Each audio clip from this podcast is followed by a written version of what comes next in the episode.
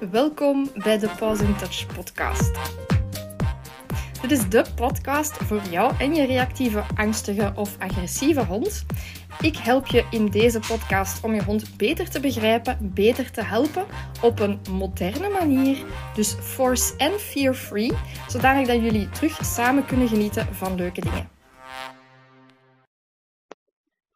Hallo en welkom bij deze nieuwe aflevering.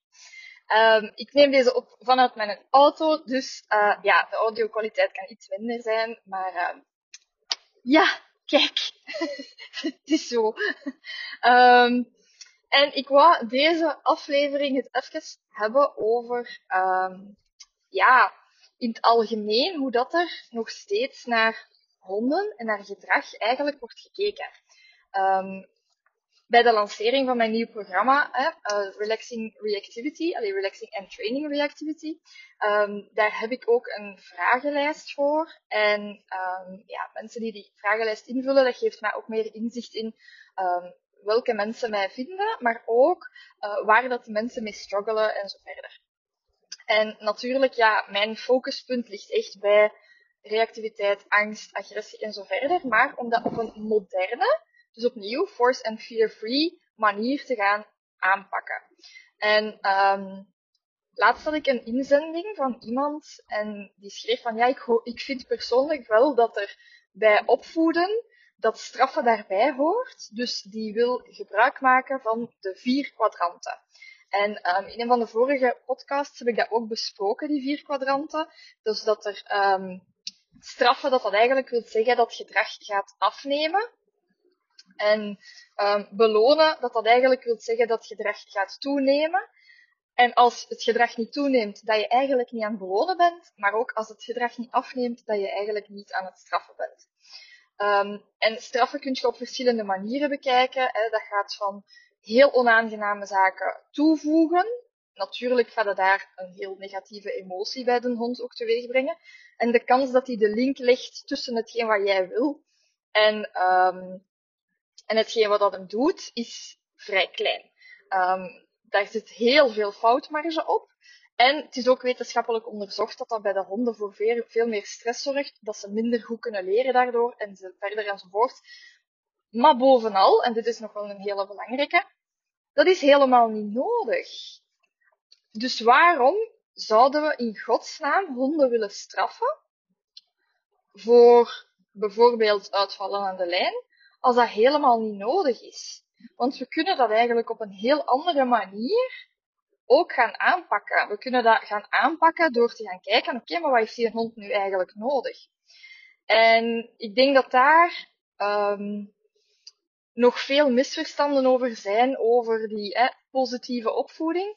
En dat daar dus nog altijd een beetje wordt naar gekeken als zijnde van ja, het is een beetje flower power en uh, de hond mag uh, mag zijn zin krijgen en mag gewoon altijd alles doen. En als mens mocht er eigenlijk niet tegenin gaan.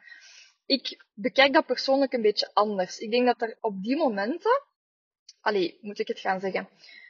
Als ik hoor dat iemand bezig is van, ja, dit gedrag tolereer ik niet, of um, dit gedrag dat, uh, dat, dat moet verdwijnen, of uh, ik vind dat straffen er gewoon bij hoort om de hond te laten weten dat hij dit niet mag ik ga heel grof zijn nu, maar kijk, dan is het maar zo. Dan heb je het gewoon nog altijd niet begrepen. Dan heb je nog altijd niet gesnapt waar dat het eigenlijk om draait. Want dan ligt uw focus nog altijd op het gedrag. Maar hetgeen wat dat die een hond laat zien qua gedrag, dat is gewoon een symptoom. Dat is net zoals dat je hoofdpijn kan hebben en een snotneus kan hebben. En dat kan dan zowel zijn dat jij chronische sinusitis hebt, dat kan zijn dat jij corona hebt, dat kan zijn dat jij een griep hebt. Allee ja, en door te zeggen van oké, ik ga enkel die, oké, okay, slecht voorbeeld, want bij virussen kunnen niet veel anders doen, maar oké, okay, Maar um, als je dan zegt van oké, ik ga me vooral focussen op die hoofdpijn en die snotneus doen verdwijnen, en je blijft daarop bezig, en je pakt verder niks aan, ja, allee, dan kun je wel een keer iets heel ernstig compleet missen. En daar draait het net helemaal om. Um, zeker als we kijken naar gedrag, als jij je enkel gaat focussen op hetgeen wat dat die een hond doet, één, je gaat altijd naar de feiten lopen. En twee, persoonlijk vind ik dat helemaal niet fair ten opzichte van onze honden. Want onze honden die doen niet zomaar alle dingen die ze doen. Hè. Die gaan niet ineens in een bol halen. Ah, vandaag heb ik goesting om de ganse dag het kot bij elkaar te blaffen, dus laat ik dat even doen. Uh, nee.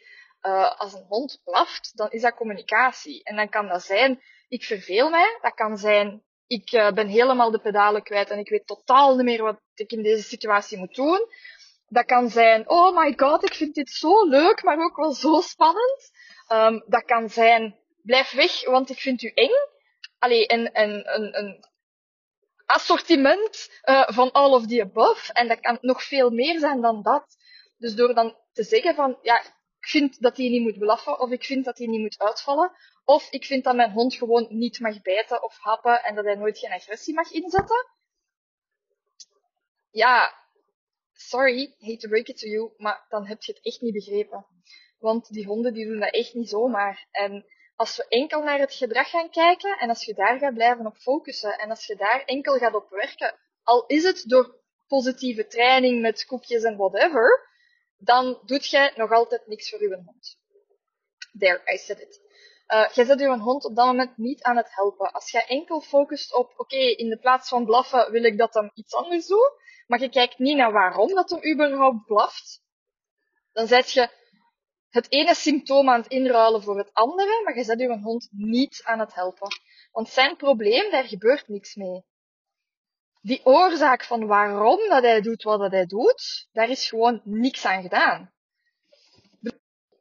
Ja, how would you feel? How would you feel um, op het moment dat je, ja, je bent verdrietig en je begint te wenen of um, weet ik veel. En mensen willen niet dat je weent, dus ze gaan je ook niet echt steunen, want ja, ik wil dat wenen niet bevestigen. Um, maar anderzijds, ja, ze gaan u misschien wel negeren en hopen dat het weggaat en dat je gewoon stopt met wenen. Um, ja, en op den duur zult je waarschijnlijk wel stoppen met wenen. Maar hoe gaat je daarbij voelen? Of nog een ander scenario. Je krijgt naar je vijs omdat, ze, omdat je aan het wenen bent of zo. Wat gaat dat met je gemoed doen? Oké, dan gaat je leren van, ik mag niet meer wenen. In het beste geval gaat je dat leren. Maar is er dan iets gebeurd aan die oorzaak van waarom dat je aan het wenen was? In de eerste plaats, nee. Daar is helemaal niks aan gedaan. Maar die mensen die dan bij u wonen of uh, die met u uh, samenleven, die dan bijvoorbeeld kwaad geworden zijn of dat je negeert hebben dat je aan het wenen die zijn wel van hun probleem af, want jij weet niet meer. Klaar. How would you feel? Hoe zou jij je voelen bij die mensen? En dan komt er nog eens bij, dus wij als mensen, wij zeggen van ja, wij willen dit en dat en dat van onze hond en die moet dat maar doen. Wij gaan eigenlijk zijn probleem helemaal niet oplossen. Überhaupt gaan we er in heel veel gevallen zelfs niet naar kijken wat het probleem voor de hond is, want dat boeit niet. Het enige wat ons boeit is dat irritant gedrag en dat moet maar weg. Of dat gevaarlijke gedrag, hè, want mijn hond is momenteel zich aan het gedragen zoals een gevaarlijke zot en ik wil dat niet. Um, dus die moet daar maar mee stoppen. Uh, Oké, okay. Maar er wordt totaal niet gekeken naar waarom dat die een hond dat überhaupt doet. Er wordt totaal niet gekeken naar waarom komt het zo ver dat uw hond agressie moet gaan inzetten. Like, denk daar eens even over na. En zeker als die een hond vindt dat hij op dagelijkse basis hè, of op wekelijkse basis agressie moet inzetten in huis, moet je je eens voorstellen hoe dat die een hond zich daarbij voelt. Want dat wil dus wel zeggen dat het vertrouwen in die, van die hond in misschien u als eigenaar, uh, ja, of zijn veiligheidsgevoel. Hoe, hoe zit het met zijn veiligheidsgevoel thuis? Als je je echt super veilig voelt thuis, dan gaat je misschien wel meer gaan uiten, maar gaat je daarvoor per se agressie inzetten? Hmm, don't know. Um, en dan komt daar dus nog eens bij dat de personen, hè, of de mensen die vinden dat je maar gewoon moet stoppen met wenen, of die maar gewoon vinden dat je moet stoppen met roepen, of die gewoon vinden dat je moet stoppen met, in het geval van een hond, stoppen met blaffen, stoppen met agressie inzetten, stop daar gewoon allemaal maar mee. En het interesseert ons zelfs niet waarom dat je dat doet, maar diezelfde mensen, die dat je dus eigenlijk niet echt kunt vertrouwen, because they don't really give a shit about you, dat is dan het idee dat je zou kunnen krijgen, hè, van ja, ik zit hier te wenen, en die vragen zelfs niet waarom. Die zeggen gewoon stop daarmee. En diezelfde mensen, die zeggen dan wel in andere situaties, ja, je moet mij maar vertrouwen dat het veilig is, dus jij moet hier niet blaffen, ik zal ik wel bepalen wat dat veilig is voor u. Ha, oké dan. Um, opnieuw, that's not how it works. Hè? Als je op die manier denkt, dan, dan sorry, then you just don't get it. Um, en ding is vooral, als we op een moderne manier met honden willen omgaan, dan is dat eigenlijk een verkeerde, oh, ik hou niet van dat woord, maar um, dan is dat een, een denkwijze waar dat ik persoonlijk niet achter sta. En het kan goed zijn dat jij ander gedrag wilt aanleren door middel van belonen. Hè? Dat je zegt van ja, ik ga die um, zit, I don't know, hè. Uh, in de plaats van dat hij begint te blaffen als die andere honden ziet, dat hij gewoon gaat zitten. Uh, en dat je dat met koekjes aanleert. Oké, top. Maar um, wat is er met die beleving van die hond gebeurd? Ja, niks. Helemaal niks. Die heeft gewoon geleerd in de plaats van te blaffen, moet ik gaan zitten. En dan wordt op zijn minst mijn baasje niet kwaad. That's it. Dat is het enige wat hij geleerd heeft. Dus, en in het beste geval werkt dat, hè.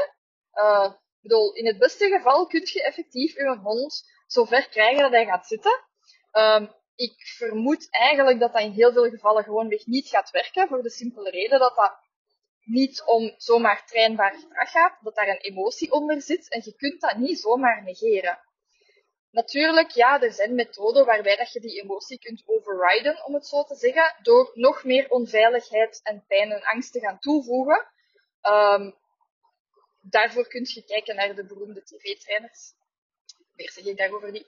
Uh, en dan kun je gewoon je hond heel erg bang maken. Je kunt je pijn doen, waardoor dat hij zoiets heeft van, oh my dear lord, deze situatie wordt alleen maar erger. Ik zal het maar gewoon in stilte ondergaan. Is die een hond nog steeds bang? Ja. Durft hij het uiten? Nee. Dus wat krijg je een hond die zelf zijn emoties, zijn, zijn moeilijkheden niet meer durft te uiten? En dan kan het zijn dat je dus op den duur een hond krijgt die uit het niks op van alles reageert en niet meer blaft of niet meer gromt, maar die dan ineens gaat voor bijt.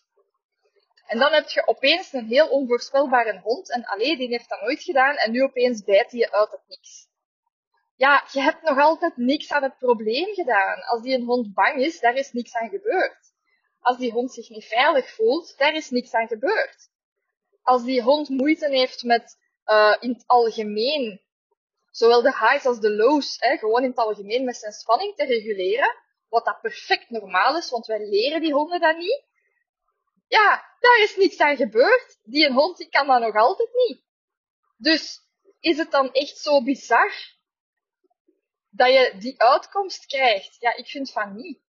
Dus zeker als het gaat over mijn diensten en mijn aanbod, please oh please, staat er op zijn minst voor open om het op een andere manier te gaan bekijken, zijnde vanuit het perspectief van die hond, met de bedoeling om oprecht uw hond te gaan helpen en het storende gedrag te gaan verminderen daarbij, dat je daar op zijn minst ook verbetering kan ervaren. Maar als uw primaire focus is dat gedrag moet weg en hoe dat mijn hond zich daarbij voelt, dat boeit me niet. I am very sorry, I am not the right person for you. Um, dan heb ik eigenlijk liever dat je niet inschrijft, want dan gaat je daar ook heel veel dingen niet toepassen. En dan ga je waarschijnlijk ook bij heel veel dingen zoiets hebben van, oh, een flauwe zeep. ook al alles wat ik uh, in mijn programma's of in mijn uh, diensten uitleg, dat is allemaal wetenschappelijk uh, gestaafd ik kan dat ook allemaal heel goed, allez, vind ik persoonlijk, zeggen ze, zonder, zonder te arrogant willen overkomen, maar uh, ja, ik kan alles wat ik geef als advies ook heel goed staven. Ik kan dat ook heel goed uitleggen waarom dat ik de advies geef. En ik heb vaak niet één argument om dat te staven, maar meerdere. Net omdat je werkt vanuit emoties. Maar die emoties, ja, dat is leuk, dat klinkt lekker fluffy. Maar langs de andere kant, emoties zijn wel degelijk fysieke processen. Je kunt dat gaan meten, je kunt dat gaan onderbouwen echt. Um, en dat is een groot verschil met de sprookjes die andere trainers bijvoorbeeld vertellen over, uh, kijk eens, het gedrag is magisch verdwenen. Tada! Uh, ja. Ja, als je chance hebt, is het gedrag magisch verdwenen. Um, wat dat, van binnen bij die een hond doet, daar zullen we maar van zwijgen. Dat je een ticking time bomb gecreëerd hebt, maar oké. Um, ja, weet je, ik snap dat vanuit een, het gedachtegoed in het algemeen van mensen, um, dat dat zo is van ja, hè, uh, als je iets verkeerd doet, dan word je gestraft. En als je iets goed doet, dan word je beloond. Oké. Maar daar zit net het hele probleem. Er wordt nooit gekeken naar waarom doet jij iets wat dat quote verkeerd is. Daar is ook heel onze maatschappij op gebaseerd, hè? puur op straffen. Hè? Um, het probleem is, als die straf niet zwaar genoeg is, als dat niet genoeg impact maakt, dan verandert dat juist geen. Um, en kijk maar gewoon in het algemeen naar het verkeer. Ga je mij wijsmaken dat jij nog nooit te snel hebt gereden? Like ever, ever? Je weet dat er boetes op staan. Je weet dat het niet mag. Een ander mooi voorbeeld. Uh, laten we lekker controversieel doen. Je weet dat het niet mag om uw hond los te laten waar het niet mag. Waar dat er een aanlijnplicht is, mag uw hond niet loslaten. Lopen. Mag niet. Hoeveel mensen vegen de wet gewoon aan hun broek, gewoon omdat zij vinden dat zij dat wel mogen? ja, wordt er e- eigenlijk überhaupt gekeken naar de waarom dat die mensen dat doen? Nee, het mag gewoon niet. Dus als ze u ooit stikken, dan krijg je daar een boete van. Wilt dat zeggen dat je dat nooit meer gaat doen? Ik betwijfel het. Dus ja, en dat is dan wel de manier. Je wordt zelf zo behandeld in de maatschappij. Je merkt dat dat eigenlijk totaal niet werkt. Hè, want heb je ooit te snel gereden? Waarschijnlijk wel. Heb jij je hond um, losgelaten ergens waar het niet mag. Ik hoop van niet. Ik hoop dat ik u in een van mijn vorige podcasts heb kunnen inspireren om dat niet meer te doen. Um, vanuit het oogpunt van de reactieve honden die anders nergens veilig zijn. Um, maar, let's face it, uh, laat ons zeggen, 90 tot 95 procent van de hondeneigenaren veegt daar gewoon hun laars aan. Dat kan hun hoegenaamd geen bommen. Um, en die zijn op dat vlak lekker egoïstisch. En uh, ja, die doen maar. Um, ook al zijn daar wetten die zeggen dat het niet mag en ook al staan daar straffen op. Dus als jij de wet al niet naleeft, ook al weet je dat het niet mag, ook al weet je dat je gestraft kunt worden, wat verwacht je dan dat je met straffen je hond op het rechte eind gaat krijgen? Allee, let's face it, is not very likely, hè? Um, of je moet je hond dus inderdaad serieus gaan straffen, serieus gaan pijn doen, serieus gaan bang maken. Dan kan het wel werken. Stel u voor dat er op um, het te snel rijden bijvoorbeeld, in de plaats van de boetes die er nu op staan, een levenslang rijverbod als je ene keer te snel rijdt. Oké, ik denk dat er al heel veel minder mensen te snel gaan rijden. Gewoon omdat die straf zo heavy is, dat je zoiets hebt van, oh my god, dat wil ik niet voorkrijgen. Maar een boete van 50 euro, is dat jammer voor dat geld? Ja, gaat u dat tegenhouden? Bah, not very likely. Allee. Dus dat zijn van die zaken. Waarom zitten we dan puur op gedrag nog bezig bij onze honden?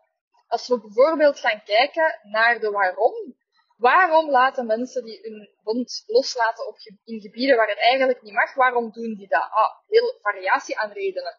Eén, hun hond kan niet aan de lijn lopen en ze zijn te lui om daar iets aan te doen. Twee, um, er zijn te weinig losloopgebieden. Um, of, ja, die zijn inderdaad een, een zakdoek groot. Dus ja, die hebben dan zoiets van, oké, met mijn hond, which I can understand. Um, sta ik erachter niet echt, maar ik kan het ergens wel, wel begrijpen. En het klopt wel dat er veel te weinig losloopzones zijn. Dus in de plaats van dan te zeggen, uw hond mag nergens los, behalve in die mini-mini kleine gebiedjes, om dan bijvoorbeeld te zeggen, ah, uh, zeg maar iets, in het weekend mogen honden in het bos loslopen en in de week niet, zeg maar iets. Dat zou bijvoorbeeld een heel goed idee zijn, want dan kunnen wij uh, als reactieve hondenouders in het weekend blijven wij heel ver weg van bossen. Maar in de week kunnen wij daar dan wel gaan wandelen. Terwijl nu is het gewoon de Wild Wild West.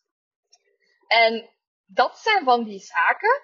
Als je naar de waarom gaat kijken en je zou daar iets aan doen, dan zouden er dus veel minder honden gewoon in het wilde weg loslopen waar het niet mag. Er zouden veel minder mensen te snel rijden als er wordt gekeken naar, oké, maar waarom rijden mensen te snel? Wat is de oorzaak? En daar iets aan te doen. Maar dat gebeurt gewoon niet. Hier is een boete van 50 euro tot de volgende. Ik bedoel, ja. En dat is dan hetgeen hoe dat we ook met onze honden omgaan. Ja, natuurlijk werkt dat niet. Ehm, en als het werkt, dan moet je eigen de vraag al gaan stellen, oei, maar waarom heeft het nu gewerkt? Want is mijn hond wel van zijn probleem af? Dus in het kort gezegd, op het moment dat ik iemand hoor die zegt van, uh, of dat ik ergens een, um, een vragenlijst of zo binnenkrijg en daar staat op, ja, ik geloof niet helemaal in de positieve aanpak. Um, of uh, ik vind toch dat straffen erbij hoort en ik wil de vier kwadranten gebruiken en bla bla bla. Dan denk ik, oh arme schat, je hebt het echt niet begrepen. Want dat wil zeggen dat jij nog altijd je focus op het gedrag hebt zitten. Op het symptoom. En niet op de oorzaak. En um, ik snap dat, dat er in onze maatschappij nog altijd heel erg onrealistisch wordt gekeken naar honden. Die moeten maar voldoen aan het beeld dat wij in ons hoofd hebben. En als dat niet zo is, dan is het een stoute hond, of dan is het een slechte hond, of dan is die hond kapot, of dan, um, ja, dan moet daar iets aan gebeuren. Of dan krijg je van die verwijten naar je kop van uh, voed een hond eens op. Ja, vriendjes, als het zo simpel was, dan had iedereen het al lang gedaan. Als je een hond zou kunnen programmeren zoals dat jij het in je hoofd hebt, allee, trust me, dan zou Nala ook, uh, dan zou Nala er ook wel wat anders uitzien. Um, I love her to death, daar niet van. En ik vind het geweldig, al die quirks en zo. En ik heb haar compleet aanvaard zoals dat ze is. Um, maar ik vind het nog altijd balen dat wij die niet zomaar overal kunnen mee naartoe nemen. Dat die er niet aan kan. Ik vind dat nog altijd echt wel een druk. Sorry. Uh, dus als ik die zou kunnen programmeren, maar dat zou er al lang in gezeten hebben. Um, maar dat is niet zo. Dus why? Waarom zou ik dat blijven forceren? Ik heb dat geprobeerd en dat werkt gewoonweg niet, omdat zij dat niet aan kan. Punt. En ja, kunnen wij die ergens mee naartoe nemen? Kunnen wij die daarin begeleiden? Tuurlijk. Tuurlijk, met veel uh, management en, en hulp en bepaalde technieken en oefeningen lukt dat wel. Maar je ziet gewoon dat hij daar niks aan heeft, dat hij liever gewoon thuis zal zijn, op haar gemak. Um, dus ja, waarmee doet je dan uw hond het meeste plezier? En the way I see it, wij nemen een hond om ons leven beter te maken, maar ook, ja, een hond is een levend wezen. Dus je moet gewoon rekening houden met het perspectief van dat levend wezen. Je kunt niet zeggen, bijvoorbeeld, hè, om een ander voorbeeld te geven, uh, je kunt niet zeggen, ah, ik wil een kind en ik wil dat hij een advocaat wordt en ik wil dit en ik wil dat. En dan heb je dat kind en blijkt dat hij bijvoorbeeld, uh, I don't know, eh, ADHD heeft, dat hij liever met zijn handen werkt en dat hij liever bouwvakker wordt. zeg maar iets. Ja, dan staat je daar, hè, met die grote hopen en, en hopes en dreams over wat dat hij allemaal moet gaan kunnen en wat dat hij allemaal, hoe dat hij moet in elkaar zitten. En wat ga je dan zeggen? Ik ga hem terugdoen, want hij is kapot. Allee, hoe absurd is dat, hoe dat wij over honden denken? Dat is, makes no freaking sense. It's alive. Hè? Een hond leeft, een hond voelt, een hond denkt. En ja, om dan te zeggen, ja, dit stoort mij, je moet daar maar gewoon mee stoppen, want ik vind dat.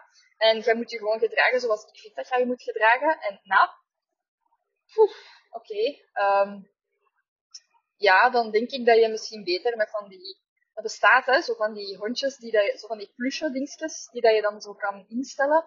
Um, en die wandelen dan zo'n beetje en die blaffen wanneer dat jij wilt dat blaffen. Um, ja, dan is dat misschien een betere optie.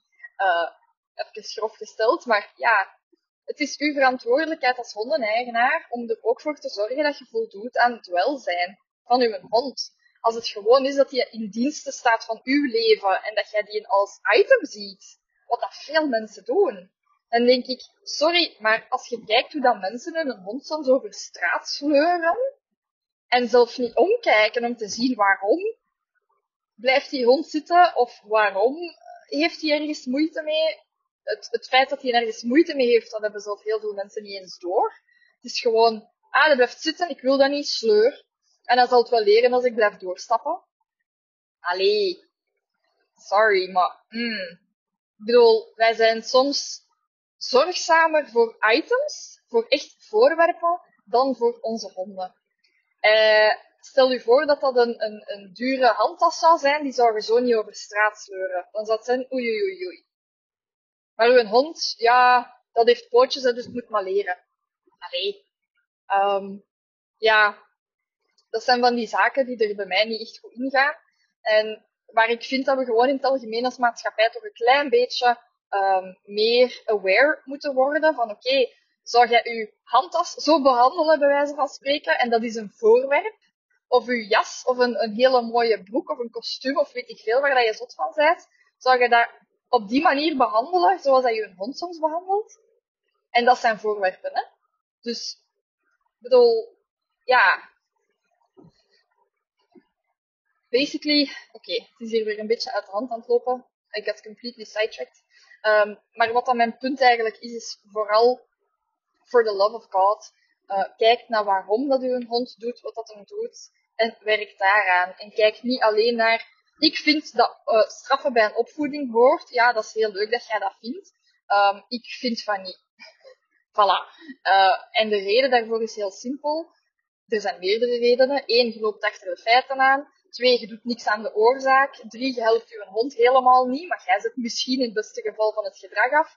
Vier, hoe gaat je je hond straffen? Vaak komt daar dan angst, uh, intimidatie, dus roepen, bang maken, dingen gooien, misschien zelf pijn doen, komt er allemaal bij kijken. En ja, dat is ook wetenschappelijk onderzocht. Als je hele sterke voorkeuren hebt richting straffen, dat dat heel vaak ook te maken heeft met controle-issues. Um, en ja, daar ga ik niet verder over uitweiden, maar dat, dat heeft ook heel veel te maken met het psychologische aspect van mensen. En um, die quick fix, hè, waar dat wij zo verslaafd aan zijn, ja, wij krijgen dus elke keer een succesje op het moment dat wij een hond gaan straffen. Want gedurende die vijf seconden dat hem dan helemaal um, van zijn melk is, krijgen wij wat dat wij willen. Namelijk, hij stopt met hetgeen wat hij van ons niet mag. En daardoor hebben wij het idee dat dat werkt. Maar long term doet dat juist. Allee.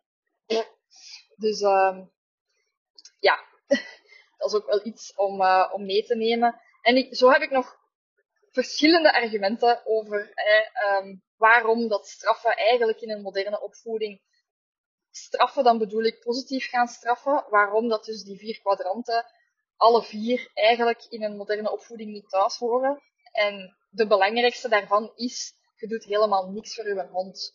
Ja, leuk dat jij van het gedrag afzet, maar je hond is nog altijd bang, of onzeker, of gefrustreerd, of uh, kan nog altijd met zijn spanning niet om, en zo verder.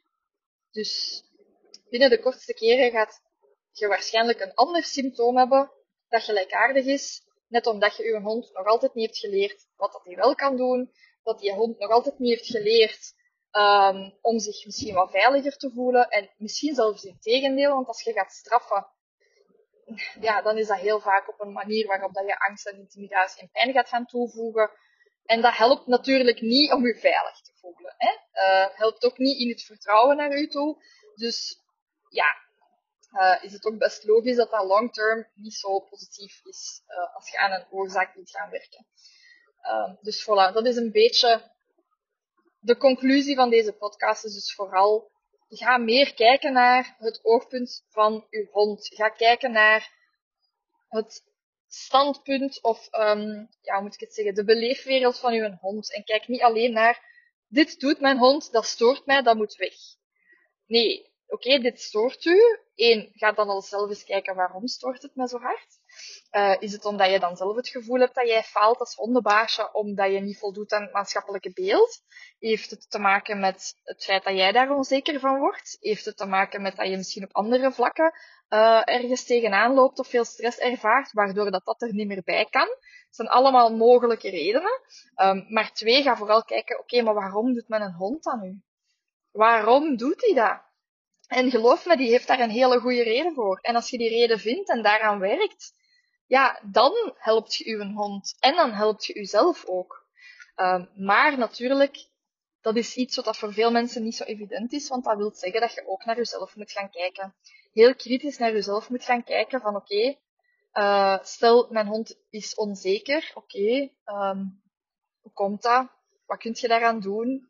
Uh, welke verschillende factoren dragen bij tot um, dit gedrag en wat zijn de, de, de belangrijkste triggers en wat uh, heeft uw hond in die situaties nodig. En dan komt het. Kan het zijn dat uw hond die situatie nog niet aan kan? Zo ja, dan moet je een hond niet in die situatie brengen. En dat is voor heel veel mensen een super moeilijke. Um, maar ja, dat komt er wel bij kijken en dat is vaak het lastigste. En dat is ook de reden waarom dat de moderne opvoeding heel vaak niet wordt volgehouden, is omdat er dan dingen worden verwacht van u als eigenaar, zoals aanvaarden dat u een hond bijvoorbeeld um, die hondensport dat jij zo graag wou doen, dat uw hond dat helemaal niet leuk vindt. Maar uw vorige hond vond dat zo geweldig. Ja, maar dan deze is uw vorige niet. En dan deze vindt dat niet plezant. Oké. Gaat dat dat dan blijven forceren? Uw hond heeft er niks aan. Dus why? En dat is voor heel veel mensen heel moeilijk. En dat is ook de reden waarom dat dus moderne opvoeding heel vaak niet wordt volgehouden. Omdat je heel erg geconfronteerd wordt met uzelf. Um, maar wilt niet zeggen dat het dan niet waard is. En wilt ook zeker en vast niet zeggen dat uw hond niet waard is. En dat u een band dat je dan kunt hebben met uw hond, geloof mij, ik heb dat ook gezien met Nala. Ik dacht, oh ja, we verstaan elkaar perfect en we hebben zo'n goede band en bla bla bla. En wel, ik kan eerlijk zeggen, na alles wat ik zelf heb doorgemaakt, ook van dat te moeten aanvaarden dat hij gewoon niet overal mee naartoe kan. En als we dat wel doen, dat zij daar gewoon geen zak aan heeft. Ja, weet je, dat is nog altijd heel erg ruk. Ik vind dat nog altijd niet leuk. Maar ik heb het wel aanvaard. En ik heb haar aanvaard zoals dat zij is. En je merkt gewoon die band die wij nu samen hebben, dat is zoveel beter dan ervoor. Ook al dacht ik dat het toen al fantastisch was en dat het niet beter kon. Ja, I was wrong. dus het kan veel beter dan, um, dan hoe het was. Uh, dus dat wil ik nog even meegeven. Voilà, ik hoop dat ik je heb geïnspireerd om ook meer naar de oorzaak te gaan kijken en uh, meer vanuit het standpunt van uw hond zaken te gaan bekijken. En uh, ja, ik zou zeggen, als je interesse hebt om daar samen mee aan de slag te gaan, Relaxing and Training Reactivity is echt het go-to programma. Ik heb daar letterlijk alles ingestoken wat je mogelijk uh, kan vinden over stressreductie, basisbehoeften, hondentaal, um, reactiviteit, agressie, management, um, spel, verrijking, beweging, uh, rust, slaap bevorderen, all of that. En als je het stukje training nadien ook nog doet, dan gaan we echt kijken naar um, je hond leren omgaan bezoek. Dus echt trainen op bezoek, trainen op vreemde mensen, trainen op honden, um, trainen op geluiden, uh, trainen op van alles en nog wat. Het enige wat er niet specifiek in zit, is um, verlatingsangsttraining, omdat je daar echt wel, ja, je trainingsplan gaat echt van dag tot dag afhangen en um, ja, dat zit er niet in. Maar daar, daar kan je dan wel um, het groepsprogramma voor volgen, waar dat ik mee samenwerk. En moest je daar interesse in hebben, kun je me ook altijd een berichtje of een mailtje sturen, dan stuur ik je wel de link door. En dan kun je ook begeleiding bijnemen als je dat nodig hebt. Dus, um, maar ja, opnieuw, please oh please, ga kijken naar de oorzaak en probeer niet gewoon het gedrag weg te trainen, want één, je gaat waarschijnlijk vastlopen en twee, you're not helping your dog. En dat is jammer. Voilà. Have a very nice day, zou ik zeggen. En uh, tot volgende week. Dat was het voor deze week. Deel deze podcast op uw social media stories en tag me hier ook in. Ik vind het super om te zien waar en wanneer dat je aan het luisteren bent. Wil je graag iets nalezen over hetgeen wat ik hier heb verteld? Op mijn website kan je een blogartikel en een samenvatting vinden van deze aflevering.